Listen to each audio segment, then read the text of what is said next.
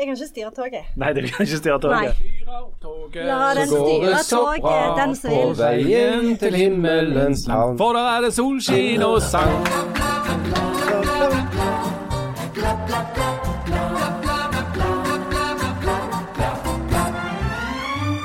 Harald har vært i USA for å treffe den jevne amerikaner, bl.a. en eller annen Brandon.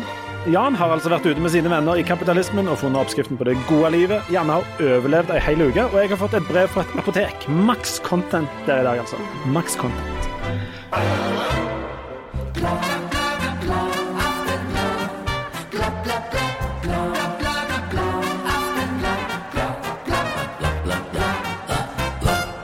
Hjertelig velkommen til Aftenbladet.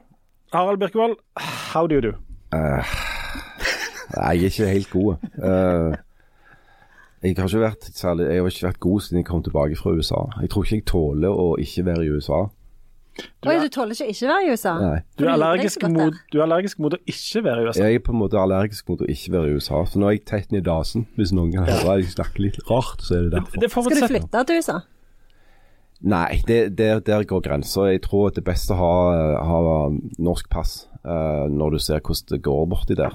Men før vi havner i det, så må vi jo gå inn altså Diagnosen på USA det kan vi alltid stille. Men uh, jeg vet ikke om dere er klar over det, men jeg er utdanna lege. Er du utdanna lege? Jeg har ikke nevnt noe om det før, men jeg bare Du har det hovedfag i sammenlignende medisin. Og så er jeg med, sånn, ja, med medisinsk embetsfag. Jeg vil bare si at jeg vet jo hvorfor du er blitt så forkjølt og biringe. Det var jo fordi at du hadde på deg altfor lite klær. Du spilte jo inn reisebrev fra USA helt naken. Det er korrekt. Da blir det trekk, og det blir kulde, og du blir Det blir trekk både her og der. Og da blir du sånn som du ble nå. Dette kunne jeg sagt deg før du reiste, og jeg sier nå etter du kom hjem. Ja, du har nok rett. Altså, Var du ikke klar over det med Jeg med burde jo trekk? hatt pysjamas. Visste du ikke om det med trekk? Jo, jeg har jo hørt bestemor ta- sa jo at det har vært det med trekk hele veien når jeg var liten, og at du ikke måtte sitte på gresset før 1. For det var en skummel tid våren. Det var lurevær, vet du. Lurent, veldig lurent vær.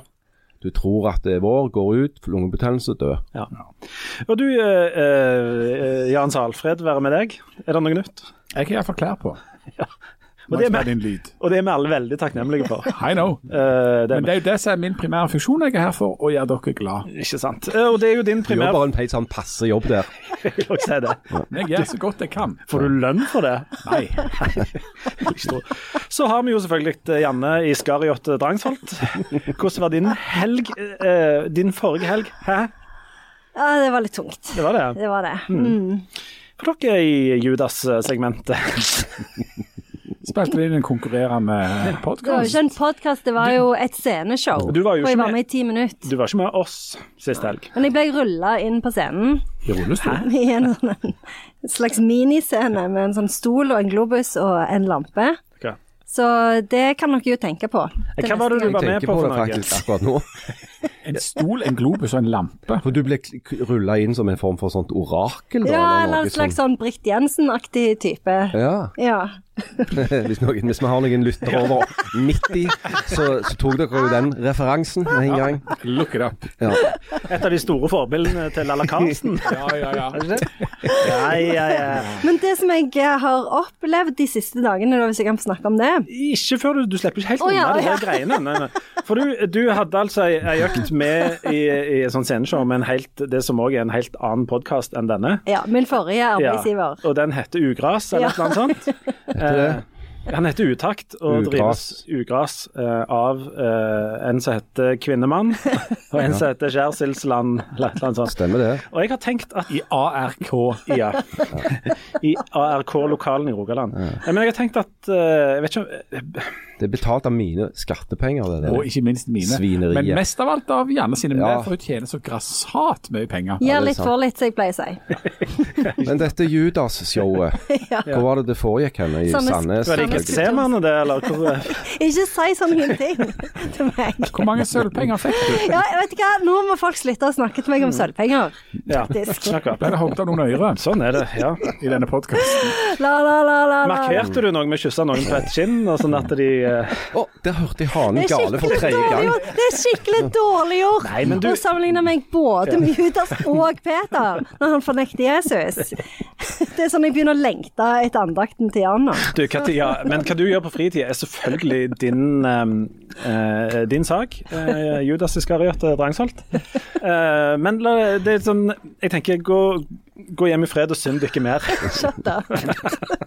Men du hadde opplevd noe annet. Du kan heller fortelle om det. Har plutselig på mange, i mange dager på rad, så har liksom Silence of the Lambs kommet opp her og der, og jeg Altså, skjønner ikke helt hvorfor. Ja. Ja.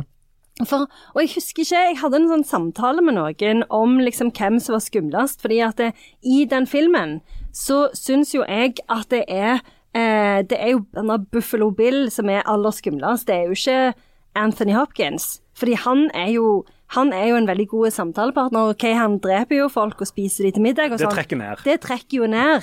Jeg Men husker han- ikke hvem Buffalo Bill er. Det er jo han Country West. det er jo han der It rubs itself with the lotion. Det er jo han som tar og syr seg en sånn en dress av Han er jo en slags skredder. Ja, han er jo en slags skredder. Lærling. En fagmann. Lærling, kanskje. Han jobber mye med lær. Som Men hvorfor- garver og stryker og Ja. strekker Hvorfor har du begynt å tenke på, på, på dette her? For den har dukket opp. Hvem? Utrolig, den filmen, bare sånn her og der. For nå dukket det opp eh, Nå når jeg bare satt på toget, så dukket det opp eh, et sånn Instagram-innlegg eh, hvor det var noen som påsto at eh, Hannibal Lecter er liksom så enormt sånn god samtalepartner. Ja. Eh, fordi Bortsett fra det med at han dreper folk og spiser dem. Helt fram til han dreper folk og spiser de. Fordi at han liksom, hvis du hadde I en annen samtale så ville det gjerne vært sånn ja, jeg jobber for FBI, og så hadde samtalepartneren vært sånn ja, men jeg har en veldig bra platesamling. Mens Hannibal Lecter, han, han lytter. Han, og han noterer seg ting, og han husker det, og han, han er en veldig er jo, god han er jo samtalepartner. eh, psykiater av, av profesjon, så han er jo egentlig en profesjonell lytter. Ja, han er jo egentlig det. Eh, og det var jo det som satte han òg i gang på liksom, den amerikanske delen av hans da, kriminelle løpebane. Det var jo at han hadde en del klienter han fikk en del imot, da, fordi at de var i grunnen ikke særlig bra folk. Sånn at han hadde et slags prinsipp om at han i hovedsak drepte og spiste folk som fortjente det. I Men ikke- Ja. Men ikke hvis de var for usmakelige. Men det, og det er jo det som er forskjellen fra han Buffalo Bill, for han er jo bare interessert i Lær. god hud. Ja, det må være litt god hud. Ja, ja. Ja, myke, god Så hud. da syns jeg at det er mye skumlere, og han er, mye skumlere enn Hannibal Lecter. For jeg tenker sånn at meg og Hannibal Lecter sikkert kunne kommet ganske godt overens. Dere kunne det? Ja, jeg Ja, innbiller meg det. Hvis han hadde likt deg, så hadde han jo ikke spist deg. Nei, han hadde jo ikke det. Han hadde jo invitert deg til middag. Problemet er, jo, problemet er jo, sånn som jeg husker det, er at enten så spiser han deg, eller så serverer han deg et eller annet. Ja, ja, det er jo nettopp det, så det blir liksom sånn Så du blir enormt vegetarianer når du, går på, når du skal på besøk til han. Hvor, hvor la han lista hen for altså tid er lista for tid du fortjener å bli spist, Harald? Hvor legger Nei. du lista personlig før du spiser noen? Altså, de bør jo de- være noenlunde appetittlige, da. okay. mener jeg iallfall. Altså eh, Men altså, tenker du lister på at jeg føler at eh, jeg er berettiget til å kverke Ja, de, eller? ja, jeg tenker det. Den ligger jo ganske høyt, i alle fall i praksis. altså I, Med fantasiplanet så, så er det jo litt annerledes. Så kan jeg tenke meg å kvitte meg både med den ene og den andre. Men det er jo, det er jo disse hersens lovene da som hindrer meg i å, uh, Ja. å, å utfolde meg litt mer på det området. Ja, jeg tror ikke vi skal spørre om hvis du fikk lov å velge én som du Med mindre du òg sånn umiddelbart har noen folk du vil nevne med navn. Iskariot. Spise meg! Jeg har aldri funnet på å, verken ta livet av deg eller spise deg. Jeg skulle akkurat til å si det. At Og det mener jeg, altså. Ja, det Ja. håper jeg inderlig, for det hadde jeg tatt veldig personlig, faktisk. For jeg syns vi kan godta det, at du er med eh, gjør en gjesteopptreden i konkurrerende podkaster. Mm. Det var jo ikke en podkast. Dere var jo ikke på jobb fredag kveld, dere. Jeg er alltid på jobb. Ja, du er alltid ja, Snakk for det deg er sant. sjøl. Men eh, det var jo ikke en podkast, det var jo Sandnes kulturhus. Ja. Det er jo noe helt annet. Men det har utgangspunkt i radioen. Men poenget her var at jeg syns ikke vi skal uh, kutte deg opp i beder og spise deg for det om du var med på det Judas Men, men si, si at vi hadde f.eks. vi fire hadde uh, stranda på på en øde øy, uh, og vi var nødt til å spise en av oss. Ja, men vi måtte jo spise den Det ikke, det, det, det, det, det er ikke noe vanskelig. Nei, vi hadde jo spist deg, Jan. Vi hadde jo spist Jan. Jeg er veldig fint marmorert i kjøttet. Ja, men, er, du, ja jo. Ja, altså, altså jeg, jeg, jeg, jeg tror at, jeg, at den høyeste kvaliteten på kjøtt, det, det, er- det er meg. Du har jo Du er en slags sunt. wagyu. Jeg er en slags wagyu, ja. Ja. Du har jo spist veldig sunt. Enormt sunt. Og så drikker du ikke så mye alkohol. Nei, og så går jeg rundt og gresser, da.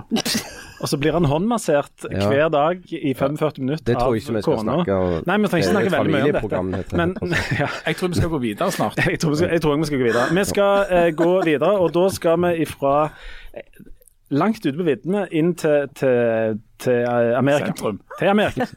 Eh, For du har, du har jo vært i dette Amerika. Sambandsstatene. Ja. Ja. Og som alle som har vært i Amerika, så kommer du hjem og så tror du har greie på hvordan det ligger an. Men, men Ja. du må jo først og fremst si hva det er du har vært på for noe. Ja, men kan vi, Før det, kan du òg si om det var vanskelig å komme inn, om det var veldig stress? Ja, hva skal jeg svare på først? Mm, Ta det, sier Ta det som du spurte om først. Ja, eh, ja og nei, vil jeg si. Altså, du må jo fylle ut en haug med papirer og sånn. Eh, og for det at Amerika de har jo på mange måter funnet opp internett, men de bruker det ikke så mye. Så du må ha med deg ark da, som du har printa ut hjemme i Norge, eh, så, viser fram.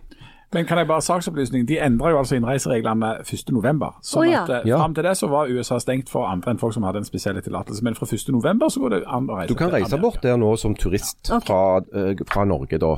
Eh, men du må jo ha koronasertifikat, og så må du ha visum, og så må du ha en koronatest som er nyere enn 72 timer, og altså greier. Men du kom deg inn, Ja, og da reiste du på, eller til, Washington. og der skulle du På et kurs eller seminar eller en slags opplæring, trening, treningsleir i, i da amerikansk politikk Ja. eh, og samfunnsliv.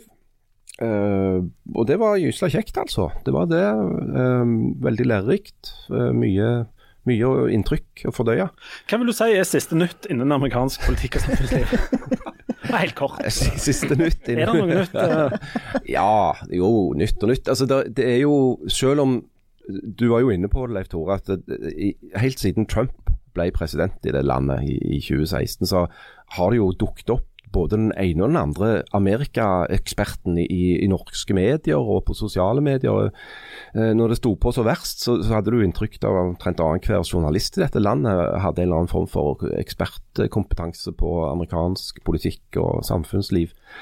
Eh, men det er jo kanskje òg sånn at altså denne her enorme fascinasjonen for USA, eh, som ble, ble liksom utløst av Trump, den bygger jo òg på at USA er et viktig land for oss, enten vi liker det eller ei. For det at det er liksom vår garantist for at vi i det hele tatt har en slags sikkerhetspolitikk. Og de er det største markedet i verden, det er de som kjøper olja vår. Eh, vi kjøper en masse teknologi fra de. eh, sånn at og vi er storkonsumenter av amerikansk populærkultur i alle mulige fasonger. Ikke sant? Sånn at USA er, enten du liker det eller ikke, et land du må forholde deg til. Så eh, Men altså, hovedinntrykkene etter å ha vært der, eh, er vel at på noen områder så er, det, står det enda verre til enn du kanskje skulle tro. Hæ? Men de bytta jo ut en slem oldefar med en snill oldefar, trodde jeg. Ja, Og så skulle alt bli så meget bedre. Nei, det, altså, det har egentlig ikke gjort noe særlig forskjell. Eh, det har egentlig ikke så fryktelig mye å si hvem som er president. For det at de, de, altså, de virkelig alvorlige forholdene i det landet dreier seg jo da om eh, en, en kløft i samfunnet, eller egentlig to. Det er én kløft i det samfunnet som handler om de som har fryktelig mye penger, og de som har fryktelig lite. Og så er det en annen kløft som du kan kalle for en slags kulturkløft. Mellom de da som sokner til en eller annen form for høyreside og en eller annen form for venstreside. Og den kløfta er nå så dyp og brei at det er litt vanskelig å se for seg hvordan folk skal klare å krysse den i det hele tatt. Sånn at når Biden snakket om gjennom valgkampen og i innsettelsestalen at nå skulle det være eh, The United States og ikke The Divided States, og at den skulle liksom komme sammen og han skulle snakke på, på tvers eh, av de politiske skillelinjene, så er vel fasit så langt at det har han ikke klart i det hele tatt. Han har ikke lykkes med det. Uh, altså Den store politiske saken i USA, uh, både mens jeg var der og i mange uker før og i mange uker framover, er jo disse to svære pakkene, økonomiske pakkene, som Biden ønsker å få flertall for i Kongressen. Eh, og Da er det jo vel verdt å merke seg at eh, de diskusjonene som foregår i Kongressen, de foregår fullstendig uten at republikanerne er med i det hele tatt. De, de er altså 100% ikke med og snakker om dette i det hele tatt. Sånn at den enorme debatten og de store politiske slagene om størrelsen og innretningen på disse pakkene står mellom demokratiske kongressmedlemmer. Eh, nærmere bestemt så er det jo to demokratiske senatorer som har motsatt seg eh, Bidens sitt forslag til en slags klima- og infrastrukturpakke. Og så er det flere eh, demokratiske kongressmedlemmer som har innsigelser til den som går på sosialpolitikk, altså en form for Nav-reform, om du vil, i USA.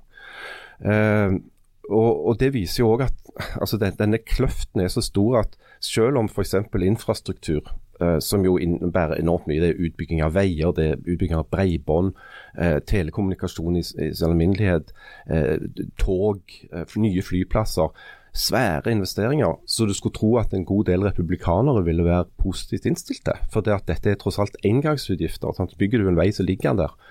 Eh, men nei, Uh, de, altså, og Det er fordi at forslaget er på en måte giftig fordi det er framsatt av en de, uh, demokrat. Dette er jo noe av det som er så deprimerende. for akkurat som du sa, Leif Tore, Vi trodde jo at vi vi satt vondt i magen i fire år da etter Trump kom i regjeringsstolen. og Det viser seg at det er mange i Amerika også som har hatt vondt i magen, inkludert en del generaler som har gått rundt og, prøvd å forhindre at han skulle starte noen kriger, f.eks. og gjort alt det der. Men jeg slutta å ha vondt, så vondt i magen da når Biden kom inn, og tenkte at nå roer det seg. Men så, eh, så har det ikke roa seg så voldsomt. Altså, eh, nå er plutselig eh, sjansen for at demokratene skal miste flertallet i Kongressen overhengende neste år. Og, eh, og, du skal ikke se vekk fra at Trump kommer tilbake i 2024. Eh, sånn er det liksom bare helt ellevilt. Altså, det er mange av de folka som vi snakket med, både altså for det meste off the record. da. For det at På sånne seminarer som dette, så er det ganske vanlig at du har en sånn regel om at de som snakker, de kan snakke fritt og åpent uten å risikere å bli sitert på det av eventuelle journalister f.eks. som er til stede. Men ikke i podkaster.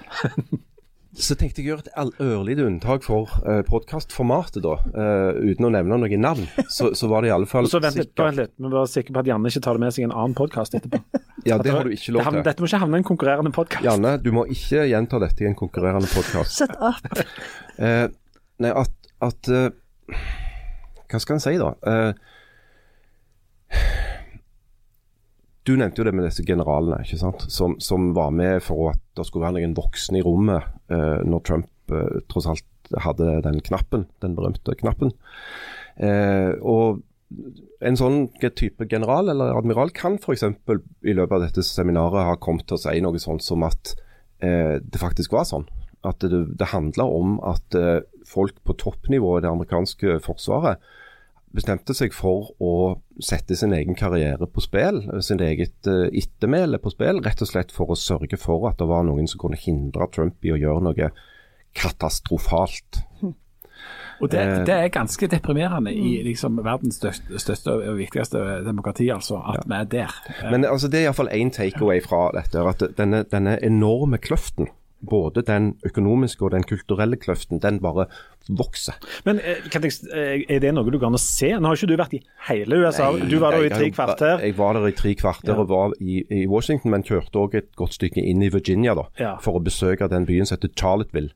Men, men, kan du på en måte se når du kommer til USA at eh, ting ikke er 100% Du kan f.eks. se det på at mange har jo, spesielt folk som ikke har vært der, har jo en forestilling om at USA ikke sant, fantastiske motorveier, det er et land bygd for bil. Ja. Veiene er dritdårlige. Altså, Det er huller i asfalten. Det er altså, Flyplassen i Dulles utenfor Washington, sant? hovedstaden i verdens viktigste og største økonomi med 350 millioner innbyggere, de har ikke engang en eh, flytog.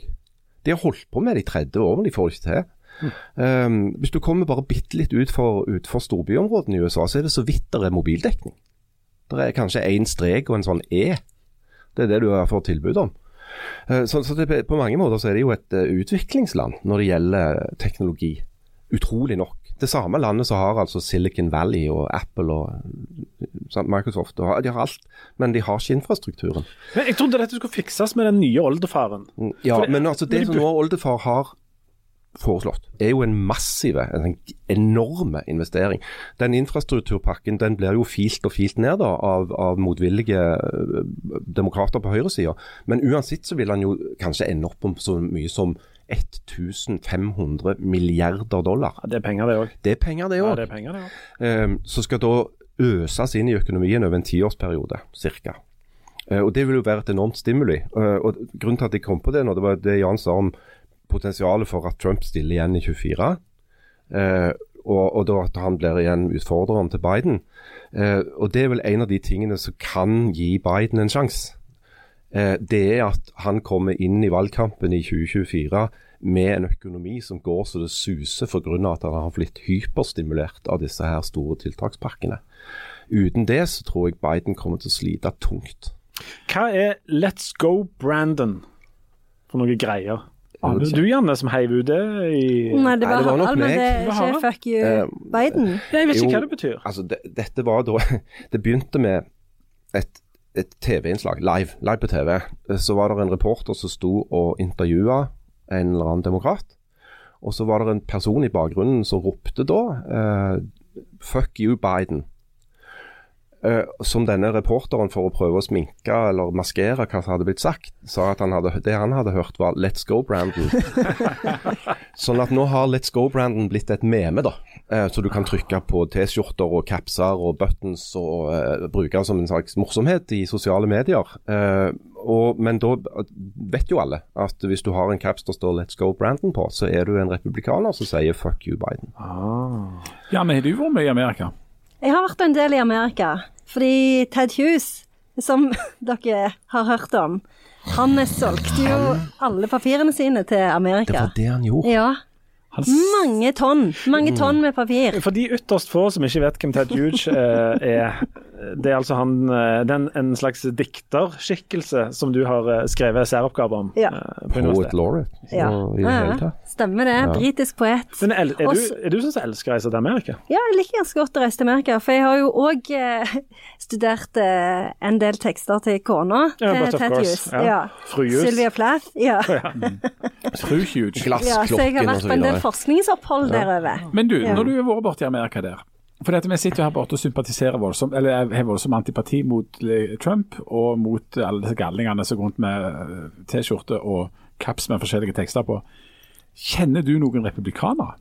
Altså Møter du Nei, du altså for dette sånn så hvis du, Vi har jo vært en del i Northampton, som er der som uh, Det er Smith- England, det. Nei, det er faktisk i USA. Det er det nye England. Ja, det er nye England. Men det, der er Smith College, som er jo et, sånn et, et av dine store, kjente eh, eliteinstitusjonene. Og det ligger jo i Massachusetts. Og Massachusetts, eh, Vermont, eh, det er mye demokrater. Alle har jo, hvis du ikke har eh, pride-flagget i hagen din, så kan du like godt bare pakke sammen. For der er det er ekstremt mye demokrater. Hvis du ikke har prideflagg i hagen, så kommer alle de tolerante folka på venstresida og banker Ja, på. og ruller deg i skjæra. og I kjærlighet. ja. Ikke i form til for kjærlighet. Da. Ja. Mm. Men, men for, for ikke det Men, litt men, jeg skal bare, eh, men sånn så eh, eh, For eksempel i eh, Ted Hughes sine papirer, de er jo i Atlanta i Georgia. Og der eh, ser jo verden helt annerledes ut. Eh, og, og det er jo sånn, eh, bare sånn som Harald sier, at liksom det der med Altså hvor enormt underlig det er bare å kjøre fra én stat til en annen. For det er jo sånn, plutselig har du helt OK veier, og så har du veier som knapt er veier i det hele tatt. Og, og um, og sånn så i, i sørstatene så er det jo eh, Sånn som i, Massachusetts er det jo ikke en, en eneste svart person, mens i eh, Atlanta for eksempel så er det jo Er svarte veldig mange personer svarte. forbudt i Massachusetts? Ja, jeg tror det er i hvert fall i Vermont, og det er det jo masse sånn vitser og sånn om, men det eh, endrer jo ikke det faktum at det er sant. Så, så dette, det er jo Ja. Så det som sterke krefter i Europa har prøvd å få til, det har de klart i Vermont. Altså. Nærmest helt uh, uten å gått under radaren. Mm, Ja, de har det. Mhm, Utrolig. Men det var ikke noe av poenget, Harald, at dere, når dere kom bort der på dette kurset, dere faktisk møtte noen republikanere. Vaskeekte republikanere. Ja, Forsto du noe av dem? Ja og nei. Altså, altså republika... Altså, på mange måter så er jo eh, Altså, en del av de republikanerne som jeg traff, er jo omtrent som han litt halvfulle onkelen din som du treffer på jul. Sant? Altså, Ja. Han som gjerne sier litt sånn politisk ukorrekte ting, da, ikke sant? men han er jo egentlig en litt hyggelig fyr allikevel. Og, og, kjøper bra presanger. Og, så så det, altså, det er jo sånn òg at egentlig så er det fire partier nå i USA, uh, ikke to. Uh, der er den trumpifiserte delen av republikanerne, og så er det de gode gamle republikanerne. Og så har du de moderate demokratene, og så har du de der spinngalle woke-folka. Så det er egentlig fire partier men som blir representert av to. Ja. Eh, og Det skaper jo utrolig mye løgnasgreier. Det, det skaper jo f.eks. den interne krangelen hos demokratene nå om tiltakspakkene. Sant? Fordi at den radikale venstrefløyen hos demokratene de vil ha en dobbelt så stor eh, sosial tiltakspakke, mens de moderate vil ha en halvparten som liten. Så eh, altså, de, de, de, Mange av de republikanerne som jeg traff, de var, de var jo enten politikere. Eh, både fra den kan du si, trumpifiserte fløyen, representert f.eks. med eh, kona til eh, Roger Stone, altså eh, Trumps mangeårige personlige rådgiver. Han Jeg anbefaler en dokumentar som ligger ute på Netflix tror jeg, om Roger Stone. Det er fargerikt. Ja, altså, er kona som hun heter da, hun har jo vært skilt fra Roger Stone siden 1991, men hun kaller seg jo fortsatt for ekskona til Roger Stone, for det at det er sikkert litt penger i. Ja. Eh, men hun og Roger Stone drev jo f.eks. en swingersklubb sammen eh, i hine hårde dager. Og, og Danset voldsomt med sving der, da. Det er jo mye rytme i kroppen. det, er, Stone. en- det er riktig det, Jan. Det er, en, det er en klubb for folk som liker å danse sving. uh, men så traff vi jo òg republikanske, altså som er folkevalgt i dag, både på, på regionalt, lokalt nivå og i Kongressen. Men så var det jo òg disse såkalte vanlige folka. Og, og det var jo i, i Ja, jeg vet jeg, jeg hadde jo veldig bange anelser sjøl. Som skulle kunne uh, skitne seg til på den måten. Men, men det viste seg jo da å være rep eh, republikanere som, som eh, kommer fra den kan du si, litt sånn sørstats velstående self-made entreprenør-mennesker som bor i svære villaer i sånne tungt eh, trebevokste strøk i, med golfbaner og rideskoler i umiddelbar nærhet. Jæren, altså. Eh, korrekt. Og som er medlemmer av klubber, ikke sant? der en spiller golf eller bridge eller eh, Jæren. Ja. altså, altså dette er jo eh, Og, og så med, med sånne ordentlige koner som er hjemmeværende og, og Jæren. lager mat. sant? Eh, Og som er religiøst konservative. Vent vent litt, vent litt. litt. Det minner om et eller annet. Ja, kan hjelp meg, hjelp meg. hjelp meg. Bærum. Kan Nei, nei. kan det være Jæren? Jæren. Det. Altså, så det er jo, en- er en slags Jæren, ehm, bare med enda mer penger, kan du si. Og, og, og større biler. Flere biler. Nei, forresten, de har like mye biler. Men altså, dette er ikke folk i magacaps og, og horn som springer rundt inne i Kongressen etter stengetid. Dette er folk som har uh, stemt republikansk i åtte generasjoner, og som har en eller annen forfar som kom i land med Mayflower. Ja. Der er du. Um, og de folka er jo både skremt av øh, og fascinert av fenomenet Trump. Ehm, mest skremt, mange av de.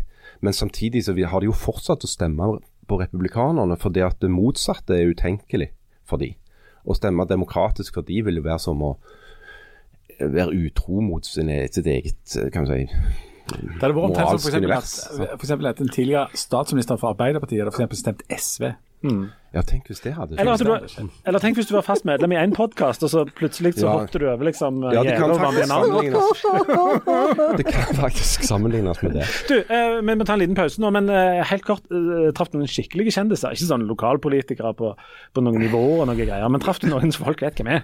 Nei, Så du altså, ingen? Det, altså de, de, kjent, de ville, Noen av de ville jo vært kjendiser for, for sånne folk som oss, da. Altså nei, du traff ingen kjent, skikkelige kjendiser. men det var jo folk som hadde vært statsråder under Trump, eller som var redaktør i New York Times og sånn. Ja. ja, det er jo brukbart. Ja, akkurat. Det er jo ikke sånn kjempe Nei. Det var ikke noe å ta Men bilde det var, det var ikke JC, liksom. Nei. Det var, det, var ikke, det var ikke Eminem. Nei. Eller. Du var litt skuffa over det? Nei, egentlig ikke. Jeg hadde, for det sto liksom ikke på programmet. Det var ikke et typisk sånn kjendisseminar. Nei. Dette her var. Men jeg hadde kanskje håpet at jeg skulle sett noen litt kjente folk, f.eks. bare tilfeldigvis, i, Ja. i Washington. Sant? For det at ut forbi et av de fancy hotellene eller noe sånt. Men det var nei. Ingenting? Rolig. Veldig skuffende. Hørtes ut som en kjedelig tur. Vi tar en uh, kort pause, og så er vi øyeblikk tilbake.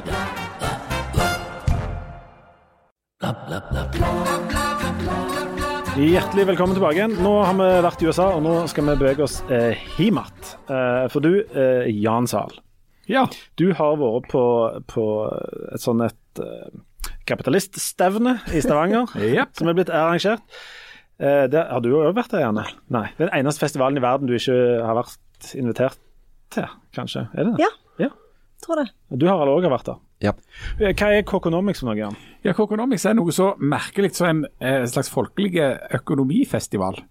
Eh, og i år var altså femte året på rad at de da har gjennomført dette i Stavanger. Det finnes jo ikke noe tilsvarende omtrent noen plass. Det er inspirert av noe borti Irland en eller annen plass, tror jeg faktisk, i den stammer ifra. Eh, men det er altså noe så egentlig merkelig som at de får inn en drøss med økonomer til å snakke folkelig og diskutere folkelig rundt omkring på puber og sånt mens folk drikker øl. Og, Det høres helt umulig og enormt kjedelig det høres det høres både umulig og kjedelig ut, det er jeg helt enig i. Men, men det fascinerende er at faktisk ganske, er ganske fascinerende. For mange av de som vanligvis snakker på sånne scener, det er sånne som har studert noe dikt eller litteratur eller helt sånn veldig sånn litterært forhold til virkeligheten. Her treffer du folk som heter økonomisk forhold til virkeligheten. Nå vil jeg gå hjem. Eller du vil gå i en konkurrerende podkast. Rolig nå. Eh, sånn at, sånn at det, det er, I den grad det er livsfjernt eller livsnært, så er det på en helt annen måte enn folk som har lest altfor mange diktsamlinger. Uh, og, og, og her har du, du Blant annet var du på en seanse der målet var å liksom finne oppskriften på uh, det gode liv. Eh, sånn omtrent, ikke sant? Jo, ja, det var et av Det kan være uttalelsene. de ikke, ikke, ikke, ikke røp det helt ennå. For at, uh, verken meg eller Harald eller Janne gidder jo lese noe av det du skriver i avisa. Så la oss nå ut. Ja, sant. Jeg har ikke tid til det. Men hvis vi skulle eh, tippe hva økonomer tenker er et uh, godt liv, eller hva vi tenker er et godt liv, Harald? Nei, De sier sikkert sånn, sånn som at eh, det er bedre å være uh, rik og frisk enn fattig og syk. Det er kjempetips. Ja, ja, bra det. Gjerne. hva tror du er oppskriften? Ja, jeg vil òg tro at det er noe sånn sikker pensjon, eller i hvert fall at du liksom har en sånn en uh, framtidsplan. Uh, det tror jeg uh, det det snakket om. Ja. Jeg, jeg vil jo Når eh, jeg jeg, hører ordet pensjon, så bare begynner jeg å duppe. Ja, jeg vet det, og jeg hørte Jeg holdt på å, å miste Og det er da. så viktig å tenke på. Ja, og jeg hørte Men det er enda verre. Ja. Enda verre. En diskusjon om pensjon mellom to ungdomspolitikere fra Venstre og. Rødt! Nei! Oh. Var det i en annen podkast enn vår, eller hvor eh, Unnskyld. Jeg skal ikke, det var i P2, selvfølgelig. ja. Jeg ville, jeg ville tippet at oppskrifta på et eh, godt liv er, er så, har så lite ansvar som mulig. Men hva sier, hva sier økonomene? Ja. Nei, Økonomene sier litt forskjellige ting. De sier Først og fremst så sier de at eh, de jo ikke har forutsetninger for å si hva som er et gode liv. Um, Dø. Sa først ja. Viktor Nordmann, eh, som vant Kokonomisk-prisen, Men så sa han eh, etterpå at eh, et av de beste tipsene sannsynligvis for å få et godt liv, det var å være akkurat sånn som han.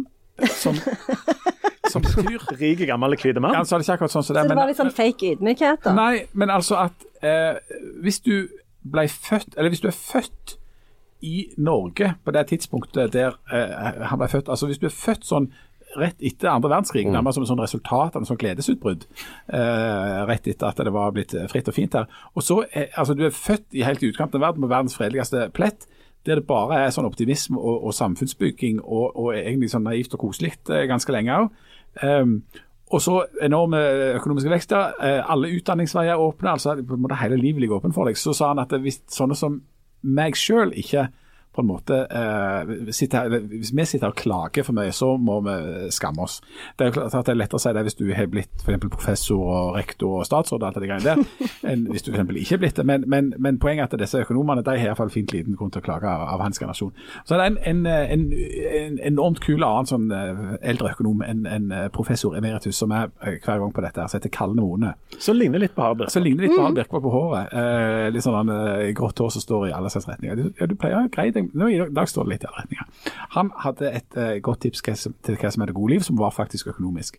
Sørg for å ha lave faste utgifter og så høye variable kostnader som mulig.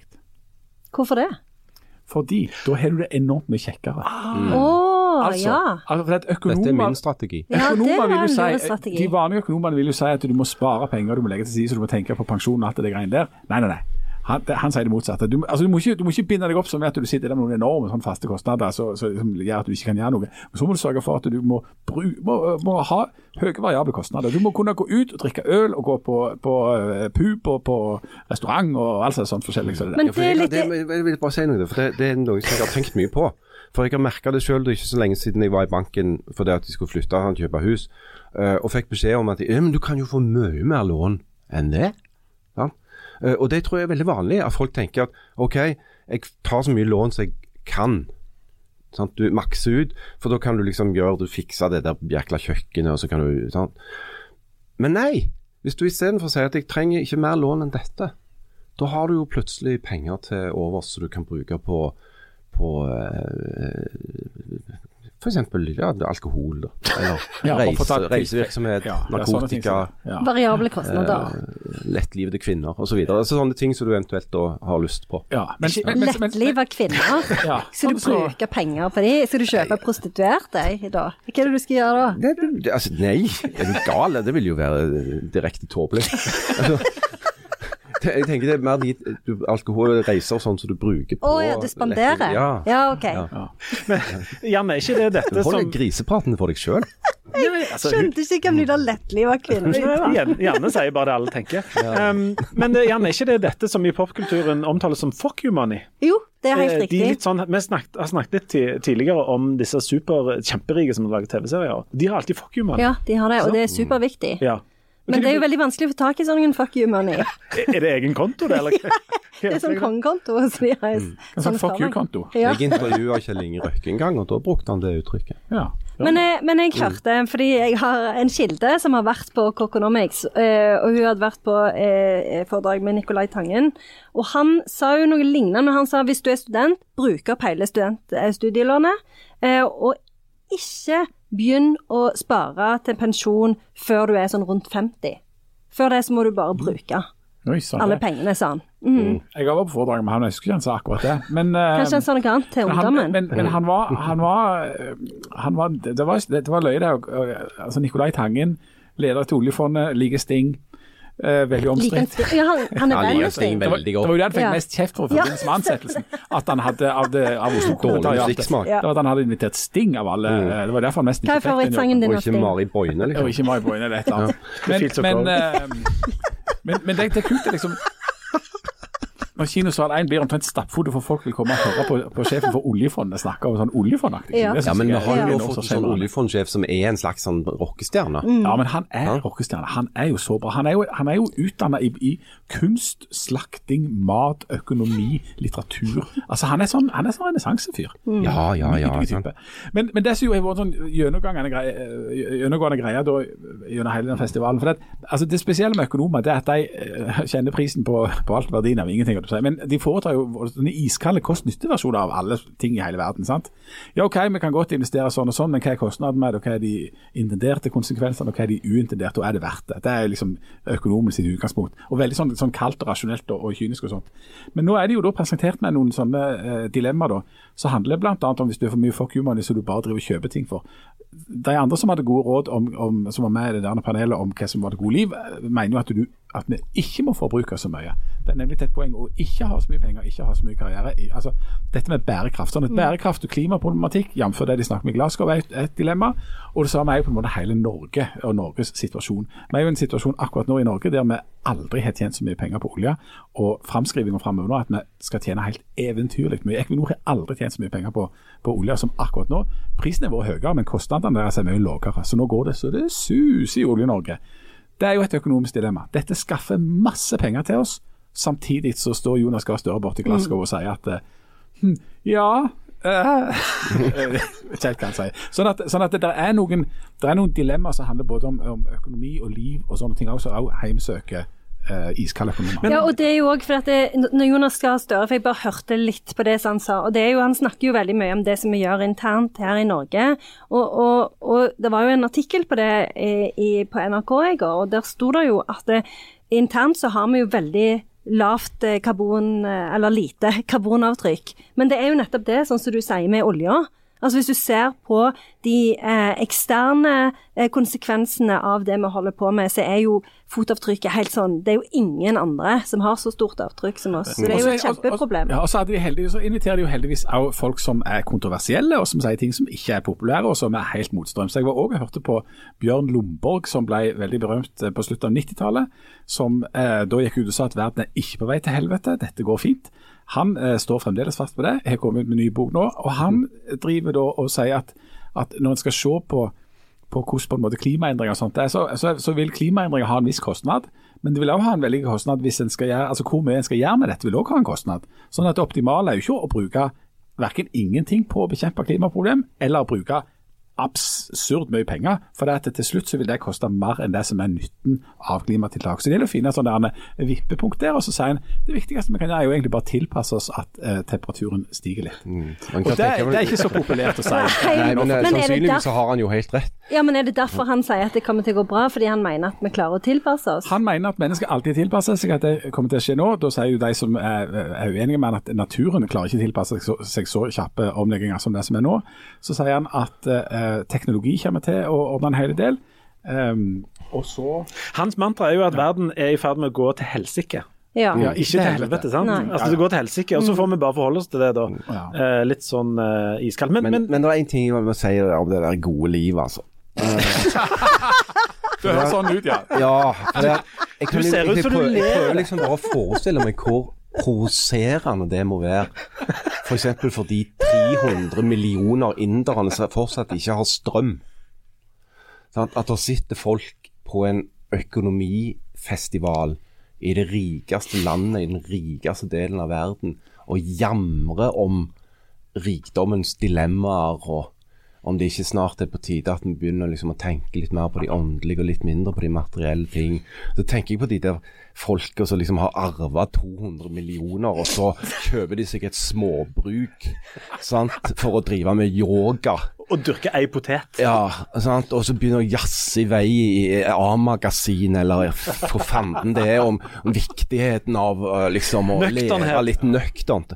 Du, du får jo spya helt oppi neseborene av de folka der. Men, men, men, det, men dette er jo faktisk midt i noe av det som er dilemmaet i Glasgow. Altså det de liksom skal komme fram til noen sånne klimaavtaler.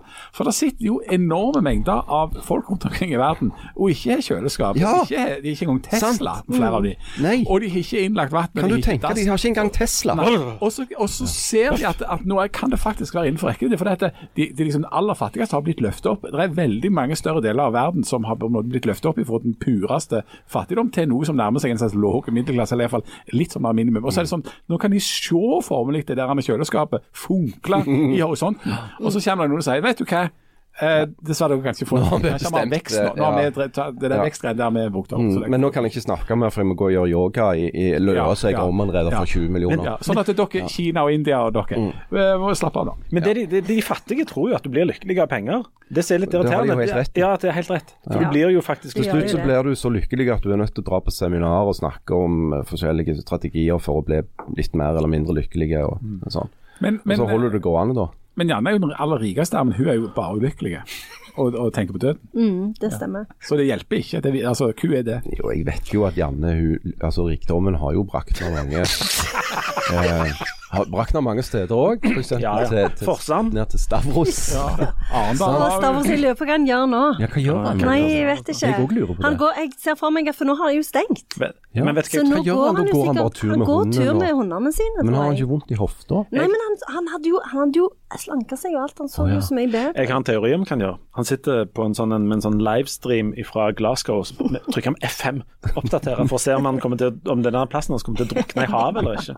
Du, N- Norge er jo, Norge er jo uh, For den ligger jo helt, helt, helt ja, har- med sjøen. det, det, han, han har jo strandlinje. Ja, sant? han har det. Og det er jo farlig å ha det i framtida. Um, og nede i Glasgow så sitter jo Norge uh, og skal prøve å ri i alle fall to, he to hester som er på full fart hver sin vei. Jonas Gahr Støre er der nede for å redde regnskogen, men sette fyr på, på all fossil brensel i hele verden, fordi at det, det er en del av løsningen. Det er jo bare for Han er jo alltid vært kjent for å være veldig tydelig. Nemlig. Ja, for hva var det der slagordet? Utvikle, ikke avvikle. Ja, det var det. Utvikle, ikke, Mm, ikke avvikle. Stemmer det. Men uh, Og så er det jo sånn Ja. grønnvaskingsprotest i dag, så jeg. ja, og Norge har vunnet en pris for å være mest hyklersk i klassen, eller et eller annet sånt. Ja, og da ble Jonas lei seg. Ja, og så klarte han klarte de å spa fram eh, Fredrik Hauge, som syntes det var litt tullete pris. Ja, Så det var veldig nå- så det var bra for Jonas da at Fredrik kom og sa det, da. Ja, For det at det hadde ikke vært kjekt for Jonas hvis han skulle sitte nede i Glasgow og være lei seg. Det hadde blitt så dårlig stemning. Mm. Han har jo nettopp blitt statsminister og alt. Men, men så Sant? det Og kanskje for det at Du må jo forstå at det må gå an å være for klima selv om du eksporterer så mye olje du bare klarer. Det Går an å være litt Altså, gravid. Du må jo kunne gå an å ha to tanker i hodet samtidig. bitte litt gravid, trenger ikke være 100 Ja, litt- gravid. Du, hvor, hvor komplisert er det for Norge å sitte eh, skrevs over disse to hestene som, eh, som uh, rir hver sin vei der? Altså, vi, skal jo, vi, vi liker jo å tro at vi er en sånn Det blir jo noe strekk i, i skrevet, da. Ja, Det gjør jo det. Lyskestrekk. Ja. Ja. Er det mulig? Kommer vi godt ut av dette? Vi kommer yeah. dårlig ut av det med en brannfakkel. Jeg tror jo at Jonas har helt rett. Altså at um, du, det, altså det er komplett urealistisk. Når jeg var på en økonomikongress Ja, og du elsker jo kapitalismen òg. Jeg elsker kapitalismen, og så, eh, og så elsker jeg eh, det realistiske. Ikke sånn der fantasigreie. Det iskalde gudløse, sa noen av oss. Ja, det rasjonelle. Eh, det men jeg er jo helt enig med deg, Jan, Altså, det, det. det, det, er klin kokos naivt å tro at du kan legge ned oljenæringen og bare avvikle den om fem år eller ti år. Klart det. så, og så at nå har vi ordna det. Det ordner ikke en drit. Du må bruke eh, altså, du, Energibehovet kommer til å finnes der hvis du er både imot havvind og landvind og kjernekraft og olje og kål. Hva i svarten skal vi lade Teslaene våre med? Det går jo ikke i hop i det hele tatt. Sånn men, men eh, Jonas er helt rett, som, som, som ansvarlige norske politikere fra alle slags parti, at det ligger en sånn teknologisk innsikt og det ligger noen sånne muligheter i å bygge teknologi på energi i Norge som er helt sjeldne i verden. Og det må du utvikle. Det har de faktisk helt rett i. Hvis vi bare skrur av kranen nå, så kan vi jo ja, Jeg tror ikke at det finnes en politisk løsning. Nei, det tror ikke. Eh, jeg tror, altså Det der halvannengradersmålet det er det vel ingen som tror på sånn inni seg. Uh, men de tror at det er viktig å holde det der for å kunne liksom, ha noe å strekke seg etter. Halvgradersmål er mulig, jeg har ikke peiling egentlig. Men altså, jeg tror ikke at det finnes politiske løsninger som lar seg omsette til praktiske løsninger. Eh, jeg tror det er omvendt. At du får praktiske løsninger. altså Teknologien vil sette rammene for politikken i mye større grad. Eh, så jeg tror at det de holder på med borte i Glasgow nå, eh, det har kanskje sin misjon for det at det kan eh, forplikte eh, på en eller annen måte.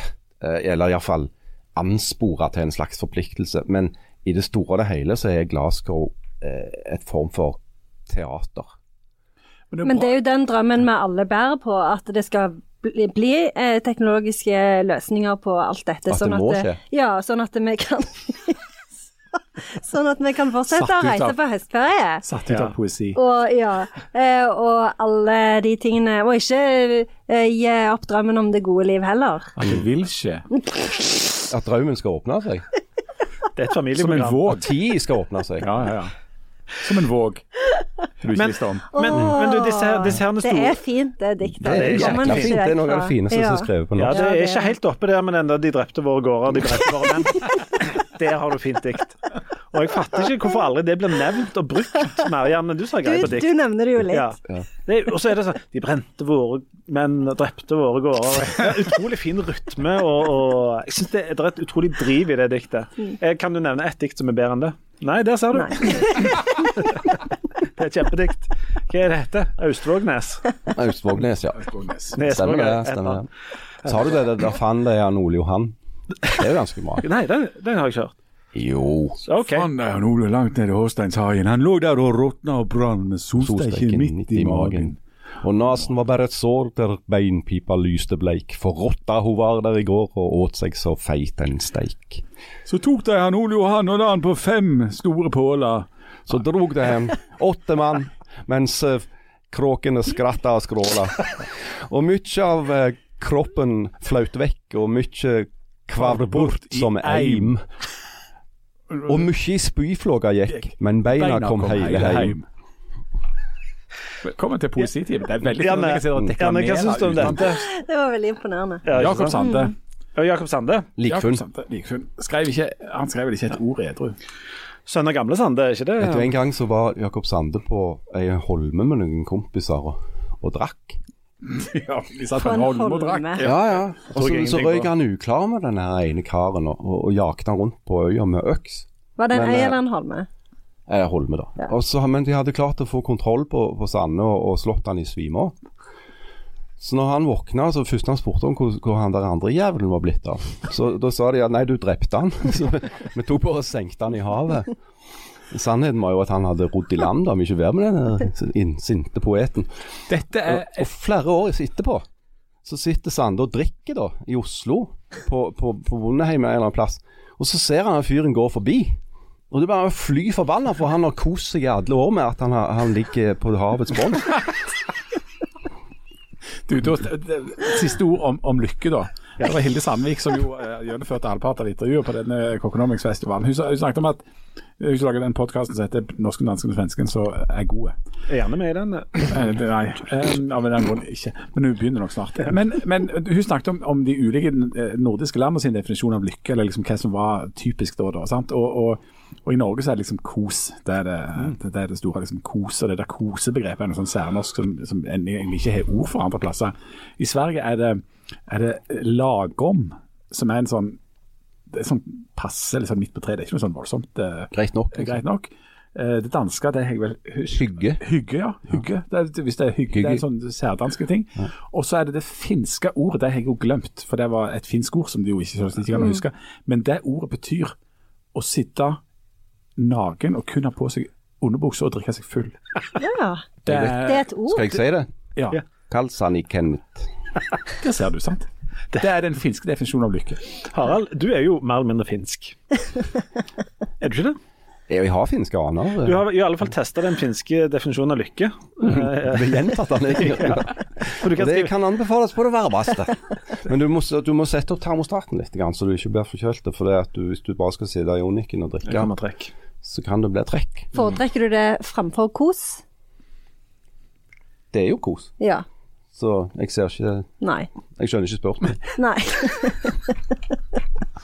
Så, eh, så, def, så lykke handler altså om faste lave utgifter. En liten annen så fuck you money, så du bare bruker på å gjøre verden til en litt varmere plass. Og så litt kos og hygge. Ja. Da er vi der. Og fylla i underbuksa. Jeg syns det hørtes bra ut. Det som jeg ikke skjønner med disse økonomene, er, er det, var det ingen av de som eh, kom inn på dette med å ha et angstfullt forhold til, til virkeligheten og skaffe seg en religion og tro hardt på Gud? Det var ingen som mente at det var oppskriften på et lykkelig liv. Merkelig nok ikke. Disse folka tror jo ikke på Gud, de tror jo bare på harde Markedet. markedet sant? Dette er jo djevler i menneskeskikkelse. Jeg var kirketjener eh, på søndag, by the way. Var du? Ja. Det var lykkelig. Var det Ja, kjekt? jeg måtte telle hvor mange som hadde tatt nattverd. Det tok eh, så lang tid, for jeg teller veldig dårlig. Og dårlig telle. Mm. Hvor, hvor Vil opp du si at det er oppskriften på det gode liv? Å å være professor i, i, i tibetansk fonetikk og så kirketjener på fritiden? Og driver med litt judasvirksomhet innen podkast? ja, kanskje det. Hvor langt klarer Men du da må du ha, men du må også ha litt fuck you money. hvor langt, Men hvor langt kan du telle uten at du begynner å liksom gå i battle for deg? 24. 24, ja. Det er, det er to Det er liksom Det er adventen. Ja, Det er adventen. ja. Eller du kan ha to, Du, Du kan sjonglere to grupper disipler, men det er i groen eh, Det er liksom det du klarer. Ja, for du tar ikke med Judas. Du tar ikke med Judas. Egentlig var det bare elleve disipler. Vi godkjenner bare elleve, ikke sant? Men i dag så ligger det meg så på hjertet å få fortelle om noe som jeg vet erfart meg som ikke var godt. For seint om lørdagskvelden så var jeg så uheldig at jeg måtte gå gjennom Stavanger. Og da må jeg bare si ungdom, ungdom, hvordan skal det gå med dere? Så der står så Lukas. Der skal det være gråt og tenner gnitsel når jeg får se Abraham og Isak og Jakob og alle profetene i Guds rike, men er der selv kastet utenfor. For i Stavanger, der driver de og drikker. Der ligger fandens synagoge på rad og rekke langs vågen, og jeg sier med Jesaja, når de holder fest, har de lyre og harpe, håndtrommer, fløyter og vin, men Herrens gjerningen så de ikke, de har ikke syn for Hans henders verk. Nei, det er så gale blitt, så tabit, altså. Skal vi virkelig måtte gå gjennom denne plassen så de drikker, Peder Sekiel? Skal vi virkelig blande oss med de syndige med seg frelste? Men så sa jeg det til henne. Jeg må gjøre akkurat som Jesus. For Jesus, han gikk inn i Guds tempel, og han dreiv ut alle de som solgte og kjøpte, og pengeveksterne sine bord og duekremmerne sine stoler kveltra han. Og så sa han det til dem. Så det står som Matteus, mitt hus skal kalles et bedehus, men I gjør det til en røverhule. Ja, Så må de gjerne begynne å snakke om bryllupet i Kanan i Galilea, og at Jesus gjorde vann om til vin. Og etter det de sa, så var det gode vin, det var ikke ringevin. Eh, men uten at jeg vet det, for jeg har jo aldri, aldri kjent for forskjell, for jeg har aldri bitt smakt alkohol. eller det var en gang vi var på et arrangement for næringslivet, og jeg sa uttrykkelig til dem jeg skulle ha Mozell i glasset, men jeg tror beint fram det må ha vært noe annet i glasset, for jeg ble ganske løyen og snakket i vei med folk jeg aldri før hadde sett. Men nok av det. Men akkurat som Jesus var sammen med tollere og syndere, akkurat som Jesus renska tempelet, så kjente jeg, der jeg gikk gjennom syndens pøl, Stavanger, at jeg hadde kommet her i kveld for å se hvor gale det er med dere ungdom, og akkurat som Jesus i tempelet, så har jeg kommet for til å si at det må vende om, ungdom, mens det ennå er tid. Det må segge fra dere glasset, og så må det ta mot Herren i all sin velde og prakt. Ja, så dette ropte jeg ut, og rett ut før noe som heter Hills full pub. Jeg ropte det like til de ungdommene. Der fins ingen rus som kan måle seg med det var frelste, ropte jeg. Men det var da det forunderlige skjedde, for da tror du ikke det kom bort ei politidame bort til meg og sa at nå var det tid for å gå hjem? Det er det galneste. At det finnes damer som er politi Og fra, fra tollere og syndere så takker vi for, eh, takker vi for i dag og ønsker god, god bedring. Um, jeg um, nevnte i introen at jeg har fått et brev Har du? fra et apotek. Men det er Ja. faktisk såpass omfattende at jeg tror vi må spare det til neste uke. For at dette apotekbrevet krever litt eh, krever en skikkelig behandling. Så det kommer vi tilbake til. Enn så lenge får dere eh, ha det godt. Eh, husk oppskriften på det lykkelige liv. Og så snakkes vi om en uke. Ha det. Ha det. Ha den styre toget, den som vil. veien til himmelens land. For der er det solskinn og sang.